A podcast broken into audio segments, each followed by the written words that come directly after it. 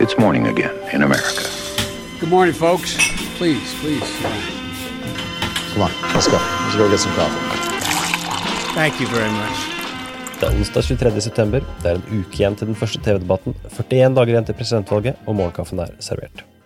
Aller først, vi har spilt inn en ny episode av 2020, som er en debattspesial med historiske tilbakeblikk som du må få med deg. Vi har også spilt inn en egen Patreon-spesial om den siste utviklingen i kampen om å fylle Ruth Bader Ginsburgs høyesterettssete. Og ifølge en ny undersøkelse fra Morning Consult er det lite sannsynlig at det finnes mange sjenerte Trump-velgere som ikke tør eller ønsker å si til meningsmålere at de vil stemme på Trump i 2020. Dagens første sak, Romney og Gardner går for å fylle setet. Donald Trump skal offentliggjøre hvem han vil nominere til Høyesterett lørdag. Det ventes at han vil velge den svært konservative dommeren Amy Coney Barrett, men han skal også møte en annen aktuell kandidat, Barbara Lagoa, i Florida på fredag.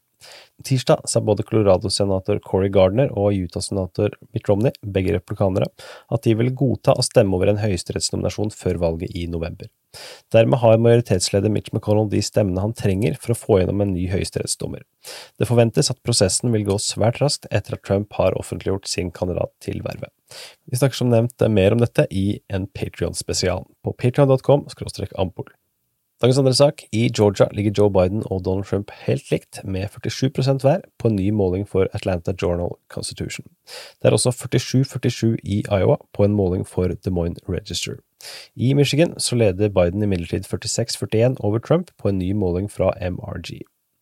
Dagens tredje og siste sak, stalltips til Representantenes hus. Valganalytiker Jon Henrik Gilhus er i gang med sin gjennomgang av de utsatte setene i årets kongressvalg. I år er det såpass mange vippedistrikter at vi har delt stalltipsene for disse valgene i fire artikler. På amerikanskpolitikk.no kan du nå lese Jon Henriks grundige stalltips for henholdsvis de nordøstlige delstatene, der han spår ett sete nettogevinst for republikanerne, og for sørstatene, der det spås to seter nettogevinst for demokratene. De kommende dagene kan du lese tips også for Midtvesten og for delstatene lengst i vest. Dagens utgave av Målkaffen er servert av Sigrid Rege Gårdsvold og undertegnede Are Togflaten. En kort episode, men du hører mye, mye mer i 2020, samt en Patron-spesial for de av dere som støtter oss der.